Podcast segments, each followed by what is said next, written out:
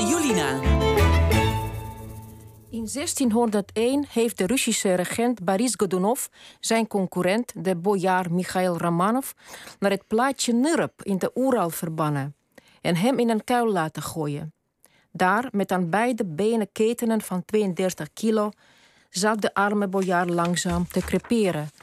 Hij bleek echter taaier dan verwacht, zodat zijn bewakers ongeduldig werden en op een dag ophielden om hem eten te geven. Het uit de weg ruimen van politieke concurrenten heeft een lange traditie in Rusland. Ivan de Verschrikkelijke die zijn zoon vermoord, Peter de Grote idem dito, Catharina de Grote die haar man liet vermoorden, haar kleinzoon Alexander, zijn vader. Toch werd die traditie in de 19e eeuw even onderbroken.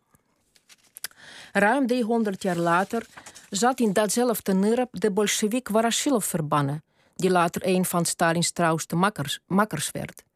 Hij maakte er bolsjewistische propaganda en vierde er zelfs een bruiloft, waarna de jonggehuwde een mooi huis betrokken.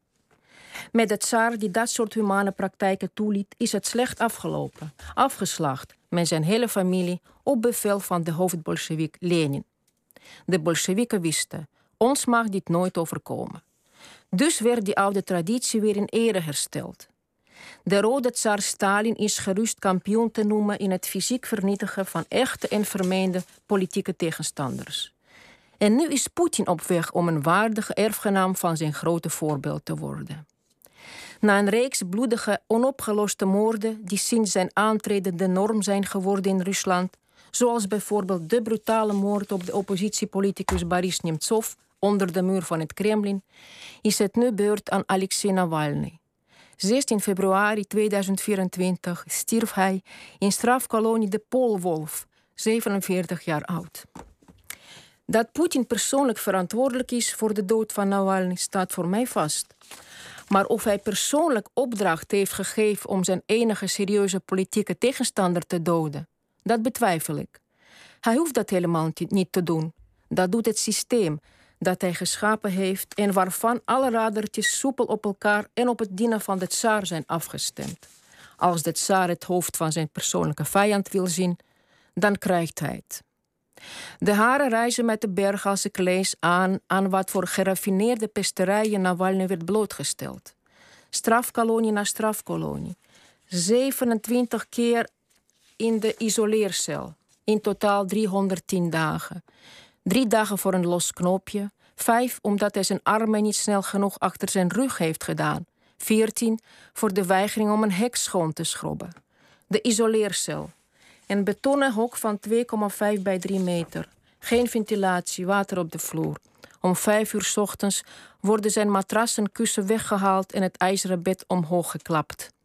Als hij na een hongerstaking terug is in de cel, wordt hij s'nachts elke twee uur wakker gemaakt, preventief, omdat hij vluchtgevaarlijk zou zijn. Zijn celmaat ligt de hele nacht te spugen of te masturberen. Geen medische hulp als hij ziek is, et cetera, et cetera.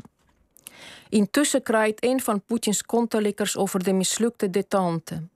Na het geweldige interview van Carlson kon de wereld eindelijk zien wat voor tof land Rusland is, met zijn supertoffe hoofdstad Moskou. Maar de westerse vijanden van Rusland hebben weer toegeslagen en Navalny vermoord om Rusland in een slecht daglicht te zetten. Niks kan me troosten nu, ook niet mijn geliefde oude Grieken, die zeggen dat de ergste straf voor een tiran is om niet gestraft te worden. Ik wil Poetin zien branden.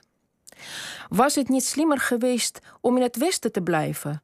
Hoor ik slimme mensen zeggen. Jazeker, maar dan was Alexei Navalny niet Alexei Navalny geweest.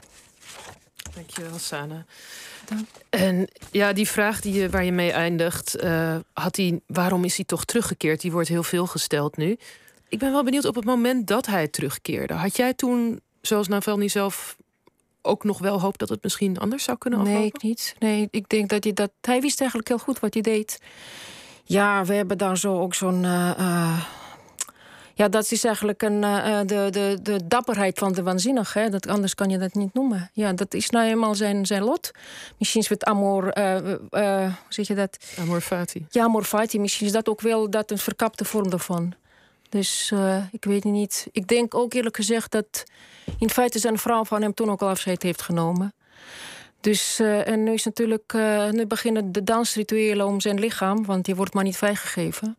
En natuurlijk in Kremlin zitten ze hun hoofden te breken. Wat doen we nu bij de begrafenis? Want stel je voor, dus straks. Uh, kijk, als het, als het vrij wordt gegeven ergens begraven in Rusland, nou, dan, dan kun je niet weerhouden dat er duizenden mensen komen. Dan moet er wordt ordepolitie. Ja. Als je naar het buitenland wordt begraven, ja, dan, dan heb je het risico dat het echt een staatsbegrafenis wordt. Want daar komen waarschijnlijk ook westerse leiders ook naartoe. Dus dat is natuurlijk nu het volgende probleem van, van het Kremlin. We zullen zien. Maar het is een soort, ik noem het een soort final solution nu, op dat moment.